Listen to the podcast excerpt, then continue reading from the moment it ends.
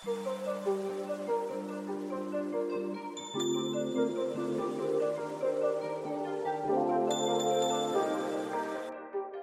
מאזינים לפודקאסט כקדם, מקום שבו נדבר על אמונה, מוסר ותורה מתוך חידוש ועיון מעמיק בכתובים במקורות. אני אביעד שלמה מוריה, והפעם נזכור את השיטות השונות לגבי הקשר בין התורה מסיני לבין ההלכה היום, ונציג את שיטת החידוש שבה אני עובד.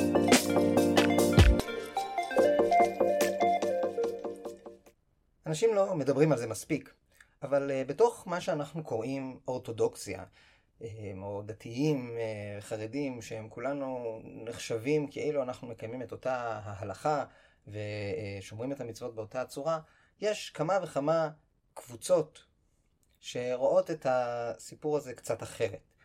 וההבדלים בתפיסה של מהי התורה, ואיך אנחנו קובעים מהי ההלכה, ואיך, ואיך מסורת התורה עוברת מדור לדור, הם הבדלים כל כך משמעותיים, שזה קצת מפתיע שבסופו של דבר אנחנו מגיעים למצב שיכולים רובנו לשבת ביחד בבית הכנסת, להשלים עניין, לעשות את אותה תפילה, לעשות את אותה הלכה, את אותם חגים, ולמרות ההבדלים הקטנים להגיד, לפחות אנחנו אה, שומרים את אותה אה, התורה.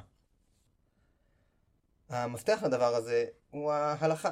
ההלכה שנוצרה לאורך אה, אלפיים השנים האחרונות בעיקר, אולי גם קצת לפני כן, שהיא בעצם תהליך שבו אנחנו הופכים את מסורת היהדות או התורה לאיזה שהם קובץ של משימות, דרכים, אה, מעשים, הנחיות, שצריך לעשות אותם כל יהודי ויהודי. ככל שההלכה התפתחה, אה, אה, ההתפתחות של ההלכה היא בעצם הצמצום שלה לכדי דברים מאוד מאוד ברורים דרך ספרי הלכה, אם זה מהרמב"ם שרק נתן איזו תמונה כללית וניסה לסכם את התורה שבעל פה בתור ספר הלכות של היד החזקה, ואם זה אחר כך בשולחן ערוך והמשנה ברורה, ולאט לאט ספרי הלכות עוד ועוד אנחנו ממשיכים לראות שיוצאים כל מיני קונטרסים שמנסים לסכם לכל בן אדם פשוט את המשימות וההנחיות שהוא צריך לעשות לכל מצווה או לכל אירוע ולכל זמן. וההלכה הזאת, אה, על ידי הצמצום הזה שלה, זה בעצם הפיתוח שלה לכדי משהו שהוא מספיק חזק כדי שרוב האנשים יוכלו סביבו להתאגד ולהגיד, אוקיי, אנחנו כולנו שומרים את אותו הספר, כולנו שומרים את השולחן ערוך עם המשנה ברורה, אנחנו יודעים מהם ההנחיות הבסיסיות שצריך לעשות כדי להגדיר את עצמך יהודי מאמין, גם אם אנחנו חולקים על אה, מנהגים מסוימים, או על אה, אה, דעות שונות בתוך ההלכה, ועל קיום מסוים של ההלכה, כמה היא משמעותית אל מול דברים אחרים, ואם היא מתפתחת לאורך המציאות ההיסטורית המשתנה, בגדול, אנחנו יודעים שאנחנו יושבים על אותו הבסיס. אני קורא לדבר הזה, אגב, דת. כלומר, המילה דת הגיעה ממה שאנחנו מכירים אצל הפרסים, במגילת אסתר גם כן, שמופיעה המילה דת השתייה כדת אין אונס, אה, ככן דת המלך, דת זו חוק. אז יש חוק, והדת, כמו שאנחנו קוראים לה היום, היא בעצם, הפכנו אותה למשהו שהוא מתבטא בעיקר על ידי החוק. אם אני מקיים את החוקים האלה והאלה, אז אני דתי. אם אני לא מקיים את כל החוקים האלה של ההלכה, אז אני לא דתי. האם זה אומר שאני לא מאמין? האם זה אומר שאני לא אה, אה, מרגיש חלק? מסורתי? מתחבר לסיפור הגדול? לא בהכרח. אבל אנחנו הפכנו על ידי תהליך לא בחלקו מתוכנן, חלקו לא לגמרי מתוכנן, אה, למצב שבו החיבור שלנו ליהדות וההגדרה של בן אדם כאדם שהוא באמת אה, עושה את, אה, את, מתחבר באמת לתורה, זה על ידי הדת, על ידי ההלכה, על ידי החוקים. עכשיו, איך הגענו לסט החוקים הזה, שבמידה רבה כולנו מסכימים עליו, אה, לפחות על העקרונות שלו, כסט החוקים שהוא מגדיר אותך דתי. איך הגענו אליו? אז פה אנחנו מתחלקים לשלוש שיטות עקרוניות שעליהן אני רוצה לדבר, שהן שיטות שתופסות אחרת את הקשר בין החוקים הללו, הדת שאנחנו מקיימים היום, ההלכה, לבין התורה שניתנה למשה בסיני, ומפתיע, כמו שאמרתי, כמה רחוקות כל אחת מהשיטות הזו, אחת מהשנייה, ובכל זאת אה, מוכנות לקבל ביחד את, אה, את, אה, את אותה הלכה ואת אותה דת, את אותו מסגרת שבה כולנו נמצאים. אז אני אציג אותה.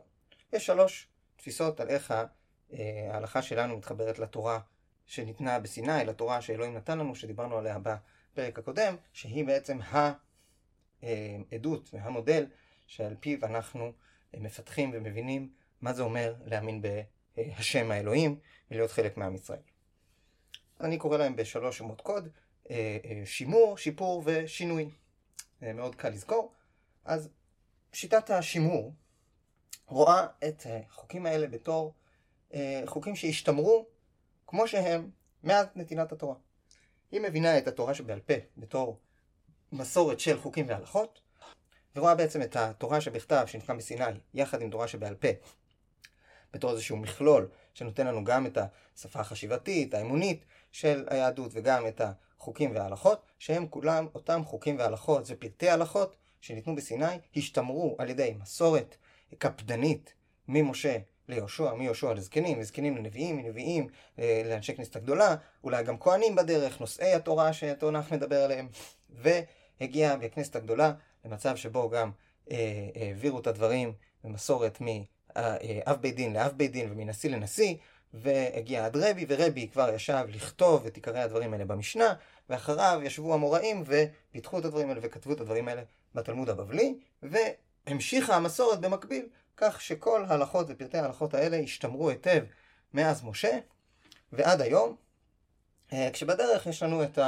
הראשונים והאחרונים שממשיכים לחדד לנו ולדייק לנו, ובמקומות שבהם יש שאלה שעולה, אז הם כותבים לנו, ובעצם ההבדל הגדול שיש בין אה, המצב שלנו היום למצב של לפני אלפיים שנה, זה שרוב פרטי ההלכות האלה כתובים בפנינו, ולא אה, אה, נאמרים רק בעל פה. כלומר, ככל שעבר הזמן, יותר ויותר דברים נכתבו, יותר ויותר דברים עברו להיות אה, מונחים בצורה כתובה, ולא רק על ידי דרך של שאלת הרב שיש לו את המסורת והוא יודע להגיד לך מה ההנחיה.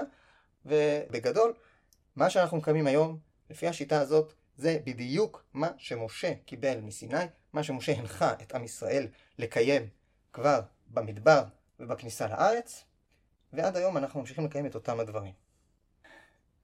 אני לא אכנס עדיין אה, למשמעויות של כל שיטה, אני אמשיך לשיטה הבאה. שיטת השיפור. שיטת השיפור אומרת שלאורך הדרך המציאות משתנה. והשינויים של המציאות כן מחייבים איזושהי התייחסות שונה, אה, הלכתית, חוקית, מעשית, של התורה אל המציאות. איך אנחנו יכולים לוודא שהשינויים שאנחנו עושים הם שינויים שהם בדיוק מתאימים למה שאלוהים רוצה. אנחנו לא. מה עושה? מה, מה, מה בעצם קורה? אנחנו מנסים, הרבנים לאורך הדרך, מנסים לשמור וללמוד ולהבין את, אה, אה, את, הדר, את התורה אה, כפי שהיא אמורה להיות, ועל הדרך הם יוצרים חידושים, מגדירים הלכות, שלא תמיד היו ברורות מראש, כלומר, בניגוד לשיטת השימור, אני לא יודע, אני כרב, לא יודע שזו פרטי ההלכה או שזו ההכרעה שנאמרה לפניי ואמרו לי שככה לילה אחרי, אבל לצורך העניין ראיתי את המציאות, נשאלתי את השאלה, ניסיתי להכריע על פי מה שידעתי לראש ונתתי הכרעה. ומה שאומרים שיטת השיפור היא שאלוהים ממשיך להשפיע דרך אותם רבנים, דרך אנשי הסגולה המיוחדים הללו, ודואג שהכרעות הפסקי ההלכה שלהם יהיו בדרך שהוא רוצה. כלומר, אנחנו לא יודעים רגע לפני כן מה אלוהים רצה, כלומר בזמן משה רבנו הוא לא ידע להגיד לנו מה אנחנו נצטרך לקיים היום, אבל כאשר הגיע היום, הגיעו אותם אנשי פוסקי ההלכה, אה, רבי מעלה שישבו ולמדו תורה מספיק בזמן בחייהם ויש להם את ההילה של גדולי הדור, והם, כאשר הם פוסקים, רוח הקודש עובר את דרכם, והפסיקה שלהם היא אה, ביטוי של הרצון האלוהי האמיתי, של מה תהיה ההלכה ומה יהיו המעשים שאנחנו נקיים היום. אז למעשה, אנחנו יודעים, על פי האנשים הללו, שאנחנו לא מקיימים היום את אותה הלכה שניתנה למשה בסיני. אנחנו לא מקיימים את אותן מצוות, את אותן הנחיות. אבל אין מה לעשות, המציאות השתנתה, עם ישראל יצא לגלות, עם ישראל עבר בגלות, חזר פעם אחת, יצא, הרבה דברים השתנו, משתנים עדיין, חזרנו למדינת ישראל, ועדיין אנחנו צריכים שפסיקת ההלכה תייצג משהו מהרצון האלוהי, ולכן דרך פסיקת ההלכה של הרבנים הגדולים, אלוהים ממשיך ומייצר לנו עוד תקנות, עוד גזירות, עוד הנחיות ודיוקים לפסקי ההלכה, אה, שאנחנו סומכים עליהם מעצם זה שהם נפסקו. וככה אנחנו יוצרים שיפור, התורה ניתנה וממשיכה להשתפר דרך פסקי ההלכה והפיתוחים התורניים של הרבנים. שיטה שלישית, שיטת השינוי. בשיטת השינוי יש שתי, שתי אה, אה, אה, דרכים שאפשר ללכת בהם, אבל בגדול שיטת השינוי אומרת, אנחנו יודעים שמה שאנחנו נעשה היום זה לא מה שהיה בעבר, כלומר גם אם מסכימים כמו שיטת השיפור, שכמובן אנחנו לא מקיימים בהכרח את אותם המצוות ואותן הלכות שניתנו למשה בסיני, אבל בשיטת השינוי יש לזה מנגנון. המנגנון הוא פסיקת ההלכה הופכת את זה לנכון. לא בגלל שזה מה שאלוהים רצה, כי אלוהים נתן את התורה וסיים, אבל נתן את התורה, ובתוך התורה הוא גם הגדיר, מעכשיו והלאה יגדירו את ההלכה ואת התורה ואת המצוות הרבנים. אוחזי התורה לאורך השנים בשיטה, בדרך מסוימת, אה, בכללי פסיקה מסוימים, בצורה מוגדרת של מה נחשב אה, ראוי להגיד, מה נחשב לא ראוי להגיד, איך אומרים, איך מגיעים למסקנות, אבל בתוך הדבר הזה יגיעו החכמים ויכריעו את הכרעתם, וכמו שאומר רבי יהושע בתנורו של אחנאי, לא בשמיים היא, מעכשיו הרבנים פוסקים את ההלכה. כמו שאמרתי, זה מחולק לשתי נתיבים, כן? הנתיב אחד של השיטה הזאת מגיע ואומר את זה לכתחילה, כי אה, כך אלוהים רוצה, שאנחנו ניצור, אה, שיהיה סדר ואנחנו ניצור לעצמנו את המציאות ההלכתית והתורנית, וזו הדרך של התורה לחיות לאורך השנים ולהתאים את עצמה למצבים, אה, אה, ולכן פסיקת ההלכה של רבנים היא מה שהופך את זה להיות הדבר הנכון, על פי ההגדרה הראשונית של התורה. הנתיב השני אומר, זה בדיעבד, זה במקרה, אין מה לעשות, אי אפשר אחרת, כן? אלוהים נתן את התורה פעם אחת, אנחנו לא יכולים לשאול אותו שוב מה ההלכה, ולכן אנחנו חייבים אה, אה, לסמוך על הרבנים ולייצר איזושהי שיטה אחידה, שלא יהיה בלאגן, שלא יהיה פיזור, אלא כולנו נפסוק את אותו הדבר על ידי זה שאנחנו נקשיב לרבנים, נקבל את פסיקתם, ומעכשיו זאת תהיה התורה, ולא נתחיל לחשוב מחדש האם זה נכון, האם זה לא נכון. אין לנו מספיק שימור, לא של מסורת, של מה הם פסקי ההלכה, אין לנו מספיק חוכמה כדי לחדש את זה מעצמנו, ולכן אנחנו נסתפק במה שהחכמים מגיעים אליו דרך מסורת של כללי פסיקה ושל אה, הגדרות כאלה.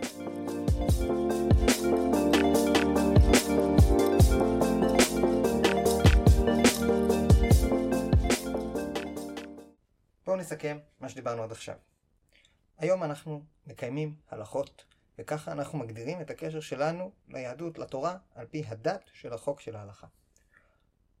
שלוש שיטות שונות תופסות אחרת את הקשר בין ההלכה הזאת, את הסיבה שאנחנו מקיימים אותה, לבין התורה שניתנה לנו בסיני, לבין אלוהים. אחת, שיטת השימור, שאומרת זה בדיוק אותו הדבר, הצלחנו אה, על ידי אה, אה, הרבה עבודה, מאמץ של מסורת, אולי גם על ידי איזשהו סייעתא דשמיא, אבל בגדול, מה שאנחנו מקיימים היום זה בדיוק מה שאלוהים מתכוון שאנחנו נקיים מה שהוא נתן למשה בסיני, והצלחנו לשמר את העקרונות, את ההלכות, את השפה שאומרת מה צריך לעשות ומה המשמעות של כל מצווה. שיטה שנייה, שיפור, אומרת לא, לא הצלחנו לשמר וגם לא צריך לשמר, כי אלוהים דאג לאורך ההיסטוריה שדברים השתנו. אם זה על ידי שכחה ואם זה על ידי שינוי של פסקי הלכה וכל דרך אחרת, הוא דאג שדברים ישתנו. מה שאנחנו מקיימים היום זה לא מה שאלוהים נתן אז בסיני, אבל זה כן מה שאלוהים רוצה. זה כן הגיע ישירות מאלוהים דרך רוח הקודש שמכוונת את פסיקת ההלכה של החכמים. והשיטה השלישית, שיטת השינוי, אומרת, אנחנו לא מקיימים מה שאלוהים ציווה אה, אז בתורה, ואנחנו יודעים את זה, וזה נעשה כחלק משיטה שאומרת, החכמים פוסקים את ההלכה, והתורה מוגדרת, הדת, החוק מוגדר על פי פסיקת החכמים. הוא לא מוגדר על פי מה שאלוהים נתן אז בסיני, אלא אולי זה נתן את העקרונות, אבל בסוף הפסיקה נעשית על ידי החכמים, וזה מה שמגדיר מהי היהדות, מהי התורה. אני מכוון את זה לשתיים, שלוש שאלות שעוזרות לנו להבדיל בין שלושת השיטות האלה. ולמה זה חשוב השאלות האלה? בגלל שבגדול, השפה הזאת של שלושת השיטות האלה היא שפה שלא קיימת כל כך בשיח, ואנשים לא יודעים להגדיר את עצמם בתוכה. אנשים אומרים, כן, אני מקיים את ההלכה בגלל, ו...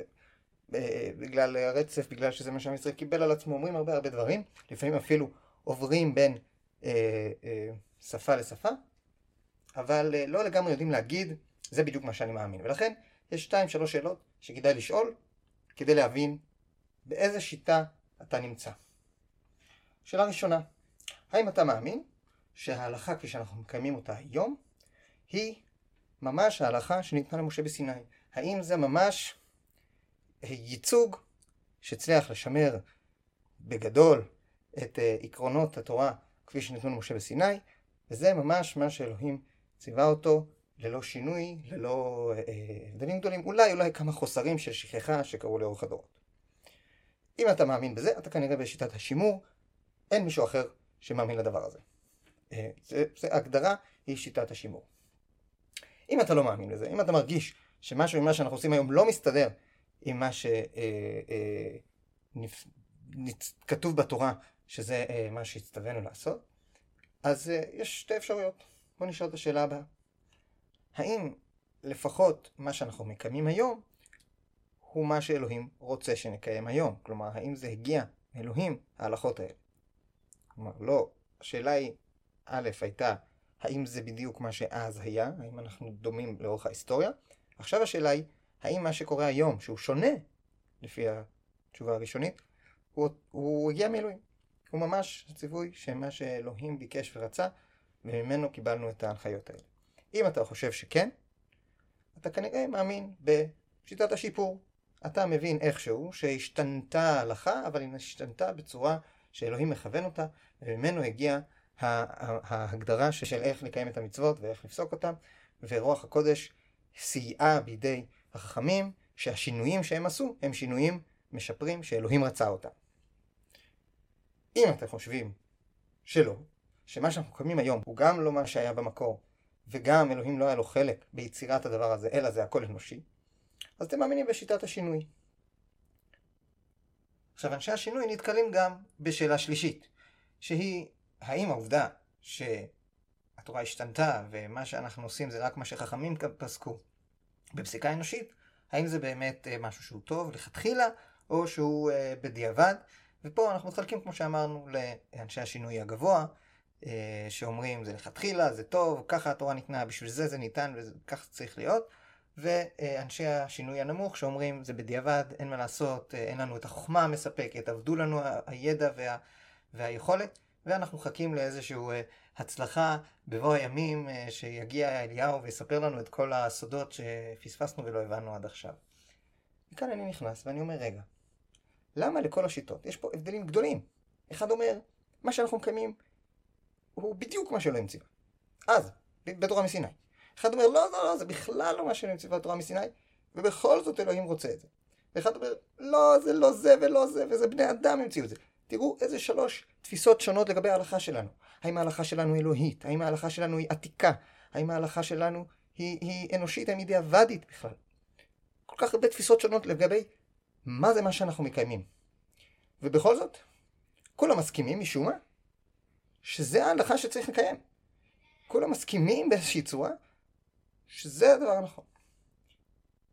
עכשיו, אני לא אכנס לכל הבעיות שבכל אחת מהשיטות, בטח ובטח אם אה, רואים את כל התורה שלנו ככה, מה שגם לא נכון, כן, בוודאי שאנשים רואים את זה בצורה יותר מורכבת, וזה, אה, יש הלכות כאלה והלכות כאלה, אבל בגדול, בגדול איכשהו, אנחנו מסתכלים על מצב שבו לא משנה מה אנשים חושבים על מה שאנחנו צריכים לקיים, על העקרונות שאנחנו צריכים לרדוף אחריהם בלימוד התורה, בסוף אנחנו באיזשהו עולם אחד של קיום הלכה. וזה מגיע גם אה, עד כדי כך שכשאני מדבר עם בן אדם שמחזיק בתפיסה מסוימת, ואני נותן לו הוכחות שסותרות את זה לגבי לפחות הלכה מסוימת, ואז הוא אומר כן, אז פתאום הוא משנה שיטה. פתאום אה, במקום אה, אה, העניין של השימור, שחייבים לוודא בדיוק מה אלוהים רצה, אה, אולי הייתה פה טעות, אז אלוהים רצה את הטעות הזאת. או יכול להיות שזה קבלת ישראל הופכת את זה להלכה. כלומר, השינוי נעשה ברגע שמגיעים למצב שאוי לא, ההלכה שאני מקיים היום היא לא מתאימה לעקרונות ששמתי, אז אני עכשיו אשנה את העקרונות. כלומר, אני קודם כל מגדיר את ההלכה, ורק אחר כך את העקרונות שעל פיה אני הבנתי שהיא צריכה לקרות. והסיבה לדבר הזה היא מה שהתחלנו איתו. הסיבה היא שההלכה נוצרה כ... אה, אה, או הגיעה למצב שבו היא המאחד הגדול של, אה, של עם ישראל. על ידי זה שאני מקיים את ההלכה, על ידי זה שאני איש דת, חוק, אז אני חלק מעם ישראל. וכדי שזה יעבוד, הגענו למצב שההלכה היא הכרחית, היא איזושהי ברירת מחדל, אסור לגעת בה. אם אני אגע בשאלה מה אני צריך לעשות עכשיו, אם אני אגע בהסכמיות הזאת סביב הדת, סביב ההלכה, אז אני מיד יוצא מגבולות הדת, כי הדת הוגדרה דרך ההלכה. ולכן כל הוגה דעות, כל אדם שמנסה להבין את התורה, מתחיל מברירת מחדל של זו ההלכה, זו הדת, כי זו הדת, כי ככה הגדר, הגדרנו את הדת על ידי עשיית המעשים הספציפיים האלה, ואחר כך שואל את עצמו למה זו הדת. וזה לא הגיוני. העקרונות המרכזיים של האמונה צריכים להיות ההכרה באלוהים, המחויבות לאלוהים, הרצון לעשות את, את, את הדבר הנכון ביותר. ומתוך זה אמור להיות מוגדר הדבר הנכון ביותר, אני חייב לחפש אותו. ואם אני אגלה שהדבר הזה הוא לא הנכון ביותר, אני חייב להיות מסוגל לשנות אותו. סט ההלכות, הדת שאותה אני מקיים למעשה, לא יכולים להיות העיקרון הראשון שאי אפשר לשנות אותו. לכן אני בא עם שאלה נוספת, או, או מחזק, בוא נגיד, את השאלה השלישית. האם באמת זה מה שאנחנו צריכים לעשות? האם העובדה שהגענו למצב שזו ההלכה שלנו, ושיש הרבה סיבות לחשוב שזה לא ההלכה המקורית, ושיש הרבה סיבות לחשוב שאלוהים לא כיוון את רוח הקודש כך שההלכה הזאת תתקיים. אני רוצה לשאול, האם באמת זו ההלכה שאני צריך לעשות? מה האלוהים, מה השם אלוהיך מבקש ממך? זו השאלה שאני רוצה לשאול. וכשההתחלה שלי היא, אני מאמין בתורה, אני מאמין באלוהים, אני מאמין במסורת. אבל, עכשיו אני שואל את עצמי, מה השם אלוהיך דורש ממך? כאן עובר הדגש משאלת אה, איך נסביר פילוסופית את החיים שלנו ואת הקשר שלנו לאלוהים, ואת הקשר בין המעשים שלנו לתורה שבכתב, לשאלה מעשית, לשאלה של חשבון נפש, לשאלה שבאמת רלוונטית לי כאדם. כי אלה השאלות שהתורה מבקשת ממנו לשאול, אלה השאלות שאנחנו צריכים לעסוק בהן, לא שאלות שהן רק משאירות אותנו עושים את אותו דבר ורק מסבירים לעצמנו אחרת מה שעשינו, אלא שאלות שמשנות את מה שאני עושה, את החזרה בתשובה שלי, את הדרך שבה אני מקיים אה, אה, את חיי בעולם כדי לעשות אותם טוב יותר. לכן לא יכול להיות שברירת המחדל היא שזו ההלכה וזו הדת ואלה המעשים ועכשיו אני אסביר אותם, אלא אני צריך קודם כל לשאול מה השם אלוהיך דורש ממך? האם אני צריך לקיים את דבר האלוהים שניתן בסיני, או שהתורה משתנה, או שאלוהים מכוון את הדרך? קודם כל אני צריך לשאול את השאלות האלה. ורק אחר כך, מתוך התשובות שעולות, לבחון מה ההלכה ומה המעשה שיוצא מתוך התפיסה של מה שאלוהים סיפר לי בתור.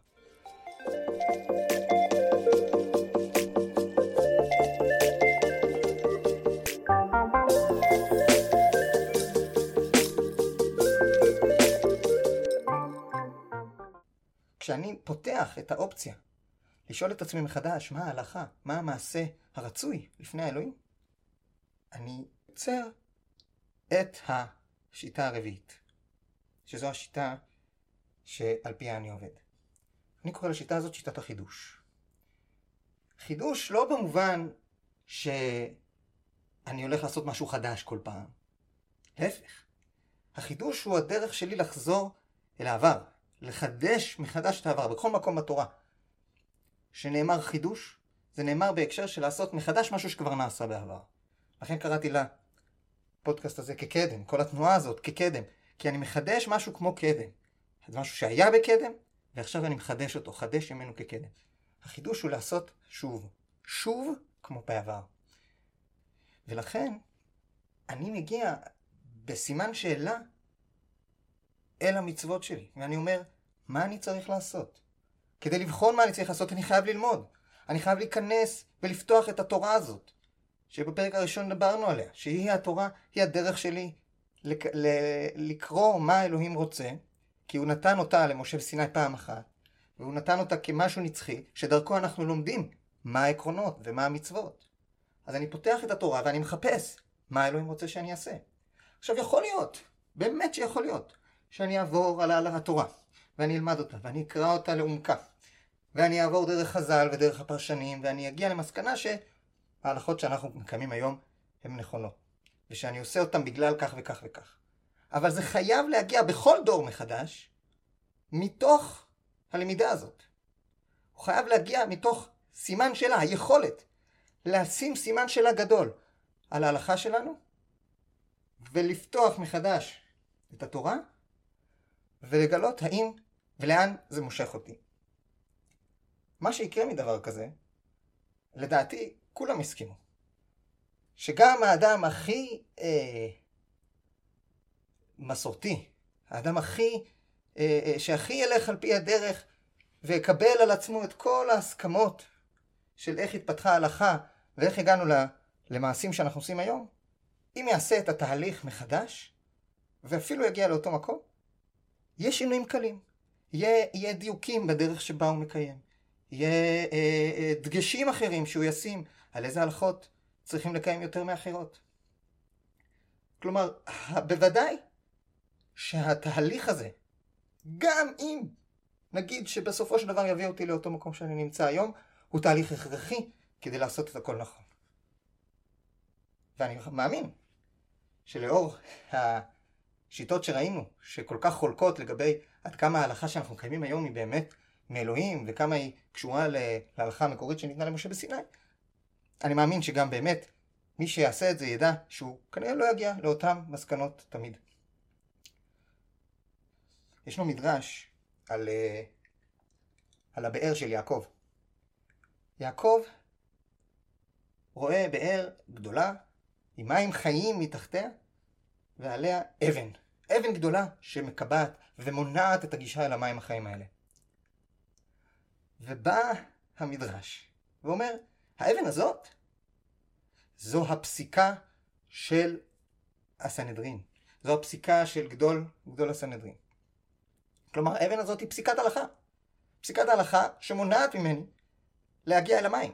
למה היא מונעת ממני? כי היא כאילו אומרת לי, זו, זו, זו המעשה הרצוי, ולכן אתה לא צריך בכלל ללמוד, אתה לא יכול להגיע אל, אל המים החיים של התורה עצמה, כי הגדרתי לך מעשה אחד שהוא ברירת המחדל, או שאתה צריך לעשות אותו. ואומרת, אה, אומר המדרש, האבן הזאת נועדה שיבואו חכמים, יבואו כל האנשים, נאספו שם כל העדרים, יפנו את האבן, יעשו למידה מעמיקה, יפתחו, ישאבו מתוך המים החיים, ואז יחזירו את האבן. כלומר, יש, הייעוד של אותה הלכה פסוקה היא לא שנגיד, אנחנו לא שמים אותה בכלל, וניתן לה הכל חופשי. נשים אותה. אבל כדי שנדע מה לעשות, כדי שנדע להגדיר ולשמור על המים החיים שלנו. אבל כל כמה זמן אנחנו צריכים לבוא, להסיר אותה רגע, לשים אותה בסימן שאלה, לפתוח מחדש את המים החיים, לעבור מחדש, שוב בחידוש, את התהליך של ההגעה אל המקור, ומשם לראות לאן הוא מוביל אותנו, ואז להחזיר את האבן משופרת. להחזיר את הפסיקה לפי מה שהגענו אליו. פסיקה מדויקת יותר. בעזרת המדרש הזה, אני יכול להסביר את הרעיון של שיטת החידוש, איך הוא עובד אל מול התורה, והופך אותה באמת למשהו נצחי. כי על פי שיטת החידוש, אני לא רוצה להיות תלוי במאורעות אה, משתנים של העולם. אני לא רוצה להיות תלוי בחסרונות אנושיים של זיכרון, של אה, אה, רציפות, של הבנה. ולכן אני לא הולך לבנות את כל התורה שלי על היכולת שלנו לשמר מידע, או על היכולת שלנו אה, אה, להבין אותה נכון, או יכול להיות שאפילו של דור מסוים להבין אותה נכון. כי מה שקורה, הן בשיטת השימור והן בשיטת השינוי והשיפור, זה שאנחנו סומכים כל כך הרבה על דורות של רבנים, דורות ספציפיים, כל דור בפני עצמו, כן, אבל כל דור סומך על הדור שלפניו, ואנחנו סומכים עליהם עד כדי כך, שאנחנו אומרים, מעכשיו אנחנו לא יכולים לשנות את זה. אנחנו אומרים, מה שהם פסקו, זה חייב להיות נכון. אם זה בגלל שהם שימרו איזה מסורת, שלרוב, אגב, הם לא אומרים שהם עשו את זה, ואם זה בגלל שהם כל כך חכמים, שהם ידעו לכוון לדבר הנכון, או שרוח אלוהים עברה בהם ונתנה להם את היכולת לפסוק את מה שאלוהים רוצה עכשיו. אבל אני כל כך הרבה סומך על האדם, שאני מחייב עכשיו דורות קדימה, על אותו אדם, או על אותו דור ספציפי. ושיטת החידוש אומרת, אני לא יכול לעשות את זה, אני אתקע את עצמי עם אבן גדולה על הבאר, שאי אפשר להזיז. אני חייב כל הזמן לייצר תהליך מתחדש שמאפשר לי לעקוף את הטעויות. אני לא אומר שלא יהיו טעויות, הפוך. אני יודע שיהיו טעויות, ולכן אני מכין את עצמי, קובע את סדר הפעולות שלי, של לימוד התורה ופסיקת ההלכה, באופן שגם אם יהיו טעויות, אני אוכל לשחזר את עצמי. אני אוכל לתקן. ולכן אם דור אחד אה, אה, איבד את המסורת, והוא כבר לא יודע את התורה בדיוק כמו שהיא הייתה בעבר, אבל כן יש לו את התורה שבכתב לפניו, וכן יש לו את, את המסורת של העברית, ומסורת של שיטת לימוד התורה, שזה מה שהשתמר לחכמים עד הגמרא, אז אני יכול על ידי זה לפתוח שוב את התורה, וללמוד אותה מחדש, ולהוציא ממנה את ההלכות שנשתכחו. אז השיטה היא לא להתקבע למשהו שאליו הגעתי, להלכה שכך קיבלתי. השיטה היא לקבל את המסורת העקרונית, לקבל את התורה שבכתב, לקבל את השפה של הלימוד, את השפה של הקריאה של התורה, וכל דור מחדש לפתוח אותה. וכל דור יפסוק הלכה. הוא לא לא יפסוק הלכה, כי הוא לא בטוח שהוא צודק. הוא יפסוק את ההלכה, גם אם זה יהיה בטעות. טעות של דיין עובדת, אין לדיין אלא מה שאין עברות. אבל הדור שאחריו יפתח מחדש, ואולי יפתח, אולי יגלה משהו אחר, ואולי יפסוק אחרת. ויכול להיות שהוא יפסוק יותר מדויק. יפתח בדורו כשמואל בדורו. בדורו של יפתח, פסק יפתח פסקים, גם אם אלה לא פסקים מדויקים ונכונים. בדורו של שמואל, אחריו. שמואל לא אמר, היי, יפתח היה לפניי, אז אני חייב להלכות שהוא פסק. לא. פסק פסיקות אחרות, על פי ההבנה שלו, על פי הלימוד שלו, על פי התורה שלו, על פי הנבואה שלו. אז כל דור צריך לקום מחדש, לקחת את המסורת שהוא קיבל, לעבוד עם אותה אבן אה, של פסיקה שקיבל מהדור הקודם בתור בסיס, אבל כל פעם לדעת להזיז אותה, לפתוח מחדש, לשאוב מהמים החיים, לכוון את עצמו מחדש, לפסוק לאותו הדור עם אותם חכמים, כפי שדעתם מגעת, ואז לעשות את הפסיקה של הדור. והדור הבא, אם יגיד שיש לו חוכמה גדולה יותר, או שיש לו אה, הבנה אחרת, יבין מחדש. וככה אני משמר את האופציה תמיד להגיע לאמת. תמיד להגיע לנקודה המקורית של התורה.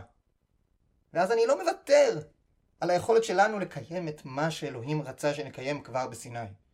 את העקרונות.